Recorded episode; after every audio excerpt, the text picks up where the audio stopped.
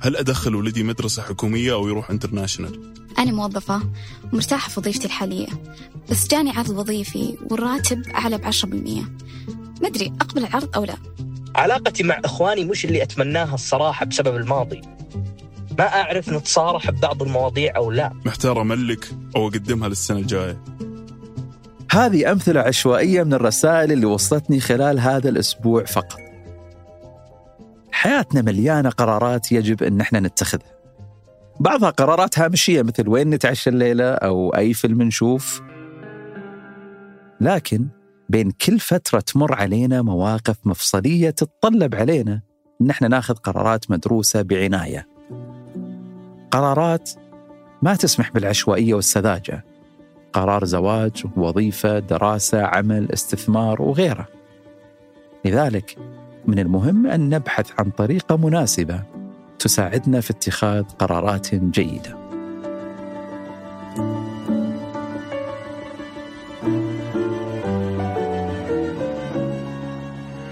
أنا محمد الحاجي وهذا بودكاست آدم من ثمانية لفهم أنفسنا وفهم الآخرين سعيا لحياة أفضل.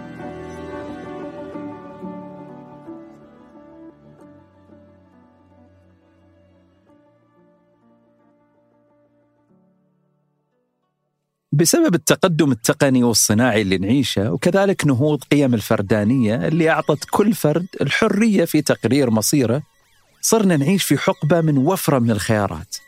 وفرة خيارات في كل شيء تقريبا في السلع، في الخدمات، في الفرص، حتى في العلاقات وأنماط الحياة والهوايات. سابقا كان اتخاذ القرار أسهل بكثير لأنه أصلا ما كانت في خيارات وقتها. لكن اليوم القرار قرارك والمسؤولية عندك في الاختيار. يعني أبسط مثال المشاهدة التلفزيونية. سابقا كنا محصورين على القناة السعودية الأولى والثانية. القناة السعودية من أول يعايرون قناتنا يقولون غصب واحد. أما اليوم فالخيارات كثيرة جدا وفي أغلب نطاقات الحياة.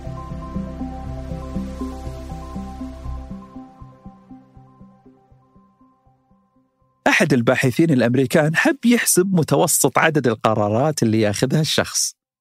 واتضح أن الشخص الواحد ياخذ 35 ألف قرار في اليوم. بداية من اختيار وجبة الفطور إلى اختيار فيلم السهرة. هذه الوفرة في الخيارات إيجابية في الكثير من الأوجه وتعطي الإنسان مساحة من الحرية لتفصيل حياته كيفما يشاء. لكن وفي الجانب الآخر تعقدت عملية اتخاذ القرار. وصار على الإنسان عبء ثقيل اسمه عبء الاختيار والمسؤولية. وهذا ما يعرف بمعضلة الخيارات. أي أننا وقعنا في ورطة بسبب كثرة الخيارات. اعتقدنا أن توفير الخيارات للناس بيرفع من سعادتهم واستقلاليتهم. ولكن في الحقيقة كذلك ارتفعت معها معدلات القلق والتوتر والندم والسخط والحيرة والهواجيس. اللي يصير إني أكون أحيانا جالس في البيت ويعني جوعان ودي إني أطلب لي حاجة أكلها. فأدخل واحد من تطبيقات التوصيل أقعد أشوف الخيارات الموجودة. وغالبا ترى يكون مثلا خلاص إنه أنا قايل كذا اللي اسمع والله يبي لها برجر. وأدخل على إني بطلب برجر.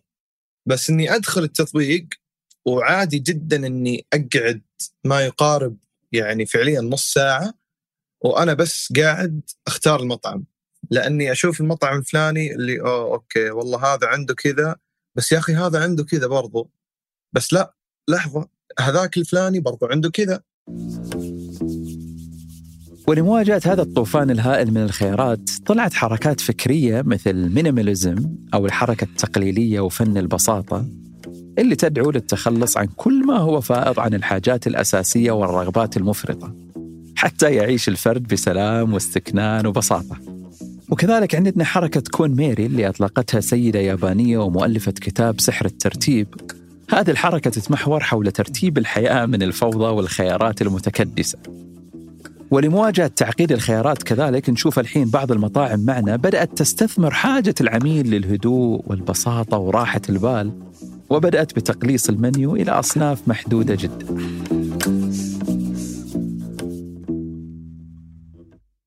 كثرة الخيارات زادت من صعوبة اتخاذ القرار عبر ورطتين. الورطة الأولى ورطة ما قبل القرار وتعرف بشلل التحليل.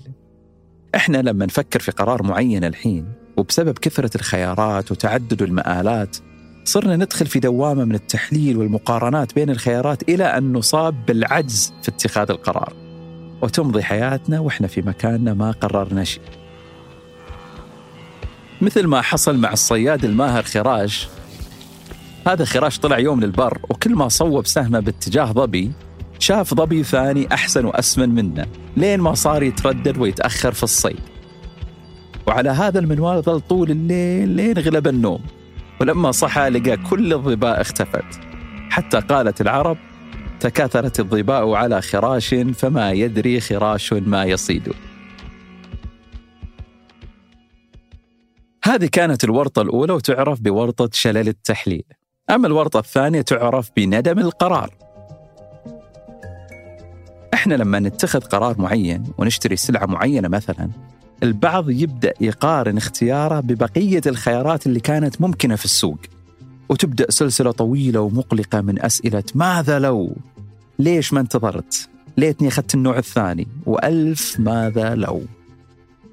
طيب هل هناك عصا سحرية لاتخاذ القرار الصح؟ طبعا لا ولو كنا نعلم الغيب لاستكثرنا من الخير وما مسنا السوء ولكن ولحسن الحظ أن سنين طويلة في علم النفس والإدراك أنتجت لنا أدوات كثيرة تساعدنا في صنع القرار الأنسب لنا.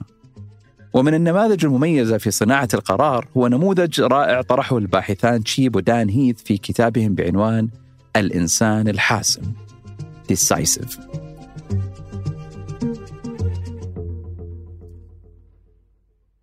لما يصير موقف ونبدأ بالتفكير في الخيارات الكثير منا يقع في خطأ التفكير الأبيض والأسود.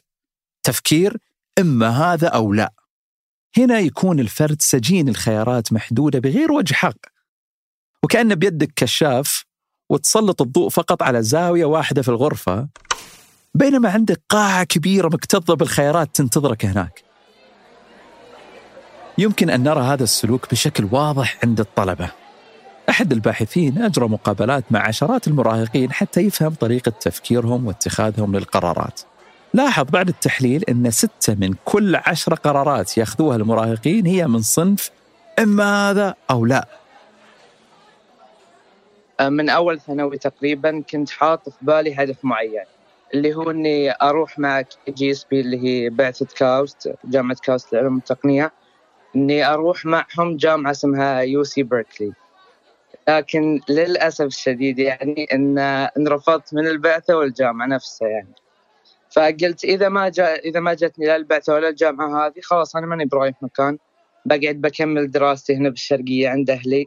يعني أريح لي من أروح مكان ثاني مو حلمي. خلاص أقرب لي مع أهلي. جتني قبولات من جامعات قوية يعني.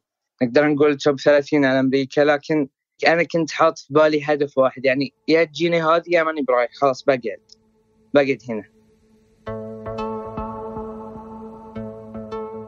حتى إحنا البالغين أو المنظمات نعاني من هذا السجن الذهني أحيانا.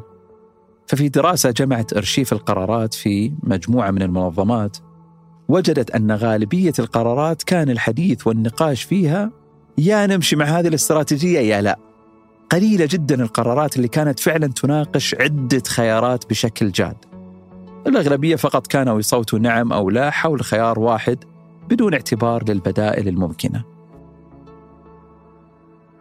تفكير الأبيض والأسود ليس مشكلتنا الوحيدة في اتخاذ القرارات لأن سبق تكلمنا قبل شوي عن شلل الاختيار اللي أصلا يحصل بسبب كثرة الخيارات لكن خلونا نبدأ بمشكلة الخيارات المحدودة ونتدرج لاحقا في اختيار القرار الأنسب لما تصير عندنا خيارات كثير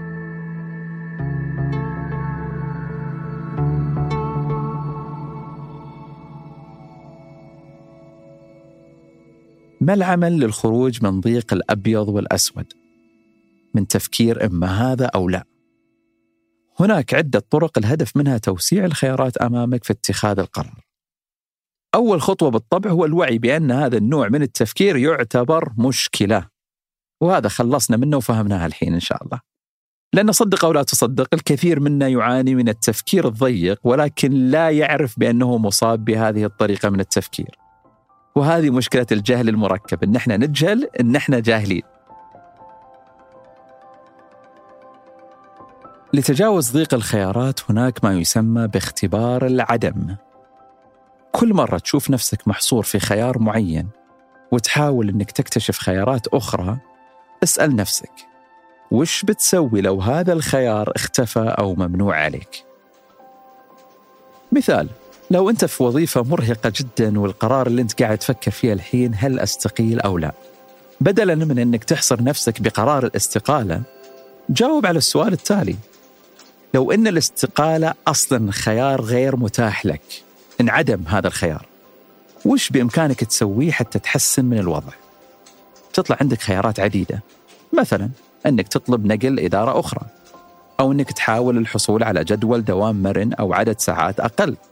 أو أنك تأخذ شهادات مهنية حتى تحصل على ترقية أو حتى أنك تجد متنفس آخر خارج الدوام يساعدك في التعايش مع القلق والإرهاق صحيح ممكن تكون الاستقالة هي الخيار الأمثل في نهاية المطاف لكن المهم أن تصل لهذا القرار بعد اعتبار كل الخيارات المتاحة لك. هذا النوع من التمرين الذهني يجبرك على الانتباه للمساحات الجانبية والخيارات الأخرى. يحرك الكشاف عندك إلى الزوايا الأخرى اللي ممكن أنت تكون غافل عنها أو ناسيها.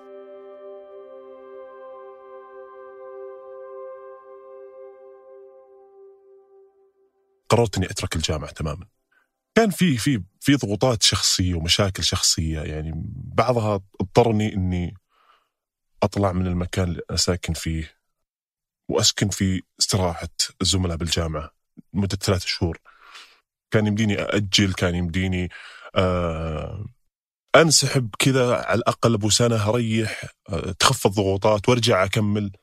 وللأمانة يعني من ناحية إني أستشير أحد وكذا ما كان في أحد آه قريب أثق فيه لدرجة إني أستشير بالموضوع هذا. وما كنت أصلا أبي أستشير أحد كنت راكب راسي وخلاص أنا ما أبي. هالجامعة هذه كلها وببطل دراسة تماما. ما كان قرار صعب ابدا يعني باقي لك ترم وتسحب على الجامعة يعني ابدا ما كان ما كان قرار ما كان قرار حكيم ابدا يعني. ممكن واحد يقول ماذا لو ما قدرت أكتشف خيارات أخرى ووصلت لطريق مسدود؟ ما العمل؟ لا تحارب لوحدك. ابحث عن شخص آخر مر بنفس التجربة. مو بالضرورة شخص خبير أو حكيم زمانه يكفي أن عاش مشكلتك وتجاوز نفس ظروفك. فأهم ما يميز البشر هو تراكم الخبرة وتناقلها. والحمد لله إحنا نعيش في مجتمع تراحمي يؤمن بأن زكاة العلم نشرة وأن المؤمن للمؤمن كالبنيان المرصوص. فحتى لو لم يكن هناك في دائرة معارفك الصغيرة أحد عاش نفس المشكلة عندك شبكات التواصل التي أصبحت ملاذا للحيارة والمتسائلين.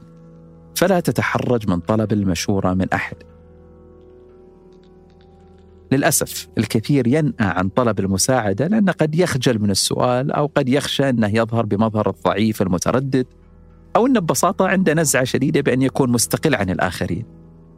تذكر كل من عاش على هذه الأرض احتاج في يوم ما لمشورة الآخرين.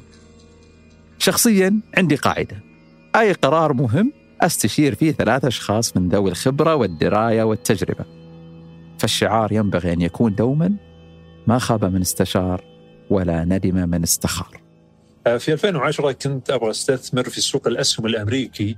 ما كان عندي أي خلفية استثمارية فبحثت وجدت شخص على تويتر محلل مالي آه، ومستثمر في السوق الأمريكي ولديه الخبرة الكاملة في هذا الأمر. آه، للأمانة قدم لي نصائح مالية رائعة جدا والحمد لله حققنا عائد رائع جدا ولا زلت ممتلة ولا زلت يعني أشكره على النصائح التي قدمها وأيضا لا زلت أعمل بهذه النصائح في استثماراتي الحالية. الجميل في موضوع الاستشارة انه ممكن تستشير نفسك كذلك. ابحث عن سيناريوهات وتجارب سابقة في حياتك قدرت تتجاوز فيها نفس المشكلة. ابحث عن ما يعرف ببقع الضوء. هل مريت بنفس المشكلة سابقا وقدرت تتجاوزها؟ حلل اللي صار وقتها واكتشف نقاط القوة. فمثلا لو كانت عندك مشكلة في موضوع الالتزام بالقراءة وجالس تبحث عن خيارات تساعدك تقدر ترجع بذكرياتك المواقف تفوقت فيها على نفسك والتزمت بالقراءة لمدة أسبوع مثلا وش اللي حصل في ذاك الأسبوع وخلاك تنجح؟ هل حطيت لنفسك هدف واضح ومعين بعدد الصفحات مثلا؟ هل انضميت لمجموعة قراءة؟ هل جدولت القراءة بعد كل وجبة مثلا أو بعد كل صلاة؟ وإذا ما كان عندك موقف مشابه ممكن تستفيد من بقع ضوء في مواقف أخرى مثل أنك تستفيد من طريقة التزامك بالنادي في موضوع الالتزام بالصدقة هل كنت تحط تنبيهات للنادي؟ هل حطيت لنفسك ديدلاين مثلا؟ تستطيع أن تستعير مفاتيح ناجحة في موقف معين لتفتح فيها أبواب المواقف الأخرى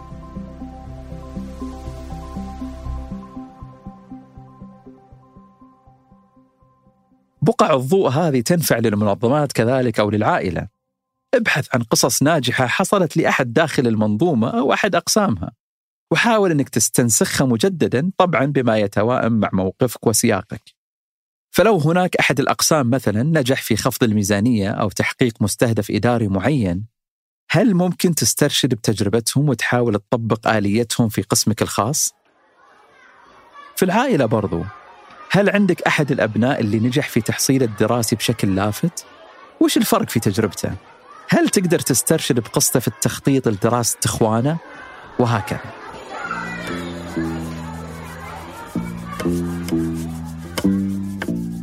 أول معضلة في اتخاذ القرارات هي ضيق الخيارات اللي نضعها لأنفسنا يجب أن نعرف أننا نجهل العديد من الخيارات المتاحة وعشان كذا حلول مثل سؤال العدم استشارة النفس والآخرين وحتى الاطلاع على تجارب مشابهة بيفتح أمامك خيارات كنت غافل عنها ويساعدك أكثر لصناعة قرار أكثر حكمة.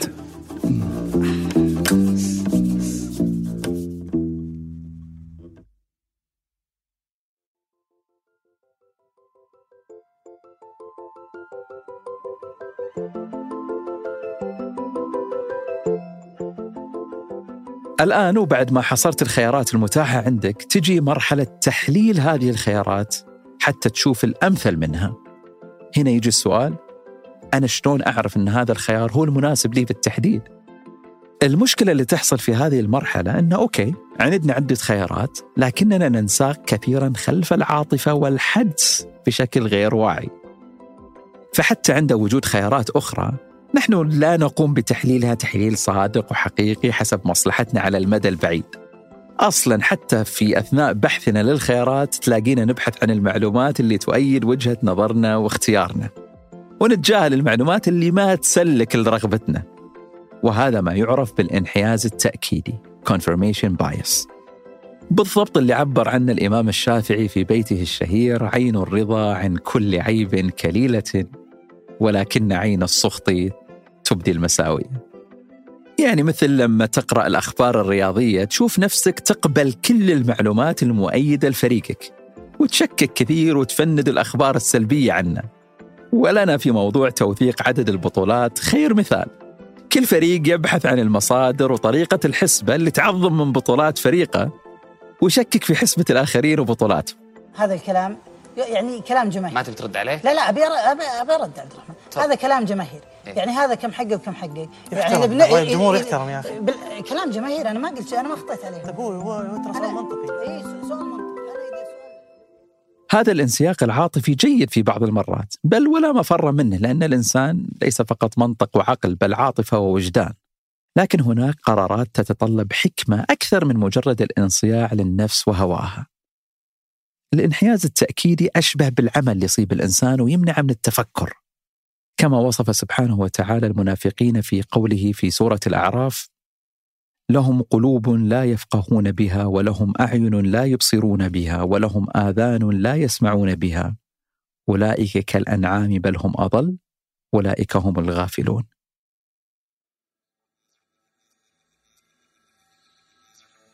في دراسة شملت أكثر من ثمانية آلاف مشترك اتضح للباحثين أن الإنسان يقبل ويفضل المعلومات اللي تؤكد وجهة نظره بمقدار الضعف أو دبل قبوله للمعلومات اللي تشير لشيء عكس وجهة نظره. وهذه النزعة للقبول الأعمى تزداد أكثر وأكثر خاصة في الأمور اللي بذل فيها الإنسان جهد ووقت. بمعنى تخيل نفسك استثمرت وقت وجهد في إعداد خطة للعائلة أو للشركة. غالبا ستطرب وستأنس لأي رأي يتوافق مع خطتك اللي تعبت عليها. وفي الجهة الأخرى بتشكك وتجادل وحتى تتجاهل وجهات النظر المعاكسة. وهذا مفهوم جدا لأنك استثمرت استثمار كبير في هذه المهمة وما تبغى تكتشف أن تعبك كان في غير محله. وقس على هذا في الكثير من الأمور. لهذا إحنا نحتاج فعلا الصلابة نفسية تساعدنا في طلب وجهات النظر المعاكسة خاصة في القرارات المصيرية والمكلفة عاطفيا وماليا. يجب أن نسأل الأسئلة المستفزة لرغباتنا. في وزارة الدفاع الأمريكية في قسم خاص اسمه قسم المعارضة أو كما يطلق عليه داخليا باسم The Murder Board. هدفها الرئيسي تحدي أفكار الآخرين خاصة المتعلقة بالمهمات العسكرية. ويمكن أنك سمعت سابقا عن مصطلح محامي الشيطان. محامي الشيطان هو الشخص اللي ياخذ دور المعارض في النقاشات. هذا المصطلح هو طقس في الكنيسة الكاثوليكية ويستخدموه أثناء تعميد القديسين الجدد. فعندما يتم ترشيح عدد من الأشخاص ليأخذوا لقب القديس يكون هناك شخص مهمته إيجاد أسباب تحول دون اختيار هذا الشخص. يعني شخص يتحدى نزاهة المرشحين. ولذلك سمي بمحامي الشيطان. هذه الطريقة هدفها تزكية أصفى وأنقى المرشحين ليحملوا اللقب المقدس What do you want? What do you want? It's not that simple. What do you want? طبعا إنك تسأل أسئلة مستفزة لرغباتك فيها شعور غير مريح اطلاقا. لكن في القرارات المهمة يجب أن نبحث بصدق عن المعلومات المفندة لانطباعاتنا الأولية. اسأل الأسئلة المستفزة وخلي الأصدقاء والثقة من حولك يتحدوا اختياراتك حتى يكونوا محامي الشيطان في قضيتك. فصديقك من صدقك لا من صدقك. مثلا إذا قلبك يرفرف على سيارة معينة فقط لأجل البرستيج بدلا عن البحث عن المعلومات المريحة لك اسأل ملاك هذه السيارة كم تقعد في الوكالة عادة لأجل الصيانة؟ وش أكثر أعطال السيارة؟ كيف سعرها لو بتبيعها بعد ثلاث سنين؟ وطبعا كلما كانت الأسئلة دقيقة وموضوعية حول الحقائق أفضل بكثير من مجرد السؤال عن الرأي العام والانطباع. لتجاوز الانحياز التأكيدي وهوى النفس يجب أن نبحث عن ثغرات اختياراتنا. يجب أن نسأل الأسئلة المستفزة ومن هنا ننطلق نحو القرار الحكيم.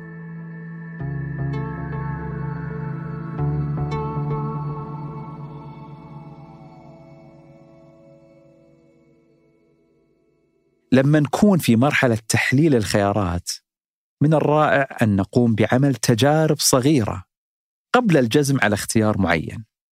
هذا الأسلوب يعتمد على التجربة الحقيقية كمقياس على جدوى خياراتنا. الكثير من الشركات تقوم على تجربة منتجاتها وخياراتها قبل ما تجزم على المنتج النهائي. وهذا ما يعرف ب prototyping. يعني مثلا جوجل في سعيها ومشروعها للسيارات ذاتية القيادة صممت واختبرت أكثر من 100 نموذج مختلف حتى تختبر أي النماذج أكثر كفاءة وفاعلية في القيادة. التجارب هذه تسمح لك باختبار قرارك وانت في سعة وعندك خط رجعة. فبدل ما جوجل تعتمد سيارة معينة وتنتج ملايين النسخ منها تقدر تجرب النموذج أولا ومن ثم تختار وتصنع الأفضل. التجارب تسمح لك تكتشف ميولك بشكل حقيقي. فقبل ما تورط باختيارك وتستثمر الوقت والجهد فيه جيد لو تشوف طريقة لاختباره على أرض الواقع. وهذا أسلوب حقيقة لم يوفى حقه في التوصيات والنصائح. فكم واحد منا تدبس في حياة ما تشبهها أبدا وكان بإمكانه تفادي كل هذا بالتجربة المسبقة. لهذا بدأت العديد من الجامعات في الخارج تحديدا بتغيير شروط القبول على بعض التخصصات. مثلا إذا حاب تقدم على تخصص الطب لازم تكون عندك 100 ساعة عمل في المستشفى حتى تقدر تقدم على الجامعة هل تحب تدرس قانون؟ اعمل بشكل جزئي في مكتب محاماة قبل خوضك للتجربة وهذا ما يحصل الآن في عقود العمل معنا في المملكة أول ثلاث أشهر تعرف بالفترة التجريبية الهدف من هذه الفترة هي التجربة السريعة اللي تقيس انسجام الموظف في البيئة الجديدة قبل أن يتم توقيع العقود الرسمية والإجراءات الطويلة. لا بل بعض الشركات المتبصرة الآن وضمن شروط التقديم على الوظائف صاروا يعطوا المرشحين مهام بسيطة مشابهة للوصف الوظيفي حتى يجربوا أدائهم في نطاق العمل قبل توقيع العقد.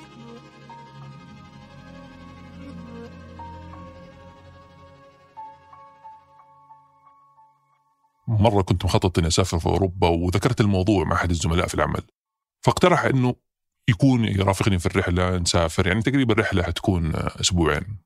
فأنا من صدقا مهووس شوية. فعلى سبيل التجربة أنا كان عندي نزلة في نهاية الأسبوع نازل الجنوب. فقلت له إيش رأيك؟ طب تيجي معايا في الجنوب نتمشى أمطار جو حلو وكل شيء. وأنا أشكر نفسي إني اقترحت هذا الاقتراح لأن الشخص الله يهديه. أنا وهو ما حنتفق في السفر. فالله يهديه كان مثلا متعب في النوم. ما يعني ما يصحى بدري ما يتعبني في موضوع الصحيان وأنا من الناس اللي يحبوا يصحوا بدري عشان أقدر أتمشى أخذ وقتي في التمشية. بالإضافة لأنه متعب في موضوع فلوس كل شوية ليه كذا ليه هذا سعره كذا ليه كذا لا ماني دافع زي كذا. فيعني المفترض حتى في السفر الواحد يكون آه شوية يعني يتبسط يعني ويتساهل في بعض الأمور. يعني نحن نتكلم عن مبالغ بسيطة نتكلم عن مبالغ بالألوفات. يعني هذه التجربة ممكن وضحت لي إنه ما يصلح يسافر معايا. فبعد فترة يعني اعتذرت منه إني في ارتباط اعتذرت اعتذار مؤدب إنه في ارتباط عائلي آخر يعني في شخص من العائلة حيطلع معايا آه لرحلتي لأوروبا هذه وخلاص.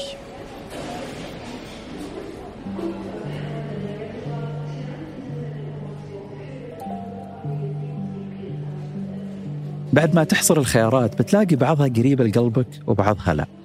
بس جرب إنك تناقشها مع نفسك وتاخذ موقف الضد. استشير اللي تثق فيهم. ولو تقدر سوي لها تجارب بسيطة. فالتجربة خير برهان أنا عارف ممكن البعض يقول عقدتها وهي بسيطة وإن الحدس يكفي ومشاعري تكفي. الحدس متى يكون كافي؟ الحدس جيد فقط في المواقف المتكررة علينا. المواقف الروتينية اللي مرت علينا كثير مثل زحمة الطرق. تقدر تعرف بالحدس لأي اتجاه تروح عشان تتغلب على الزحمة. لأنه موقف متكرر عليك وفهمت مداخله ومخارجه بشكل جيد. ما يحتاج تحليل. أو مثلا سلوك أحد أفراد العائلة. سهل تتنبأ بسلوكه وقراراته بالحدس. لكن للأسف الكثير من المواقف في حياتنا ليست منتظمة. فيصعب التنبؤ بها. الحدس يأتي أخيراً بعد أن نتدارس ونفهم الخيارات جيدا.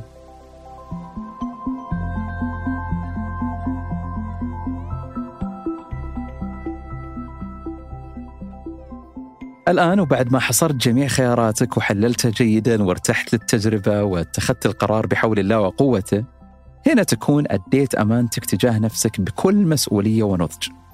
خذ قرارك بكل إيمان. فإذا كنت ذا رأي فكن ذا عزيمة فإن فساد الرأي أن تتردد. ولكن ولأن الحياة معقدة ولأن هناك عوامل عشوائية كثيرة خارج تحكمنا لازم تكون عندنا ذهنية متفتحة بأن بعض القرارات مآلاتها ما راح تكون مثل ما خططنا لها. ولعل أقرب وأكبر مثال على ذلك هو جائحة كورونا اللي غيرت حسابات العالم كله. دول وشركات وعائلات كانت عندهم خطط عظيمة بناء على معطيات صحيحة. ولكن جاء ما لم يكن في الحسبان وتبدل كل شيء.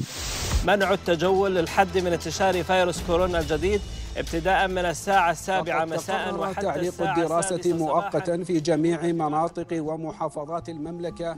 اعتبارا من يوم الاثنين الرابع عشر في حياتنا اليومية كذلك. أنت ممكن تخطط لآلاف الأشياء لكن حالة الطقس المتغيرة تخليك تأخذ خطوات بديلة وقرارات أخرى.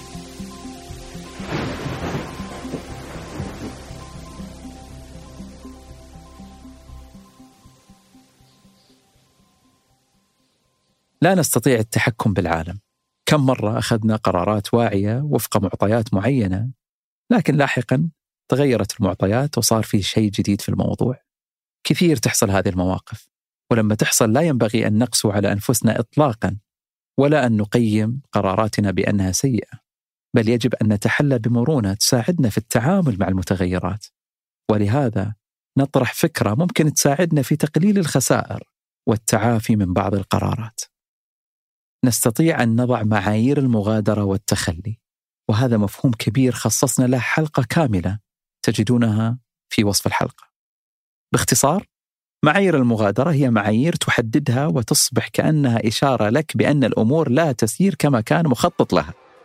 مثال لو قررت تدخل أحد عيالك في مدرسة دولية لكنك متخوف أن لغة العربية بتتأثر سلبا تستطيع أن تضع معيار المغادرة كالتالي لو طفلي صار ما يعرف يقرأ بنفسه سورة قصيرة في القرآن الكريم هذا يعني بدء التفكير في نقله من هذه المدرسة والبحث عن خيار لمدرسة أخرى تعتني جيدا باللغة العربية.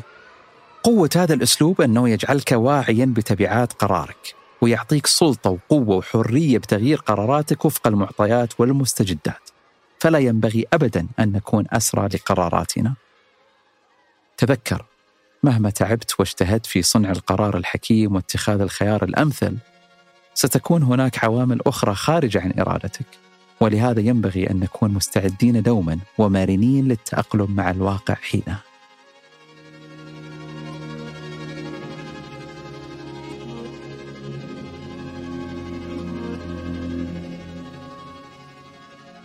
يستحيل على الإنسان أن يعرف ما إذا كانت قراراته ستكون ناجحة أم لا. نجاح القرارات يعتمد على عاملين: الاجتهاد والتفكير المنهجي والأخذ بالأسباب وهذا اللي شرحناه مسبقا. وكذلك عامل التوفيق والخيرة من رب العالمين. نحن نستطيع تحسين العامل الأول وذلك باتخاذ القرار وفق منهجية واضحة تضمن حمايتنا من سطوة المشاعر وزلات العقل. ولكن لا ننسى أن كل هذه الخطوات مغلفة برحمة الله وقوته والإيمان بأن أمر المؤمن كله خير كما جاء في صلاة الاستخارة ودعائها. اللهم إني أستخيرك بعلمك وأستعينك بقدرتك وأسألك من فضلك العظيم. فإنك تقدر ولا أقدر وتعلم ولا أعلم وأنت علام الغيوب. اللهم إن كنت تعلم أن هذا الأمر خير لي في ديني ومعاشي وعاقبة أمري فاقدره لي ويسره لي ثم بارك لي فيه. وإن كنت تعلم أن هذا الأمر شر لي في ديني ومعاشي وعاقبة أمري فاصرفه عني واصرفني عنه واقدر لي الخير حيث كان ثم ارضني به.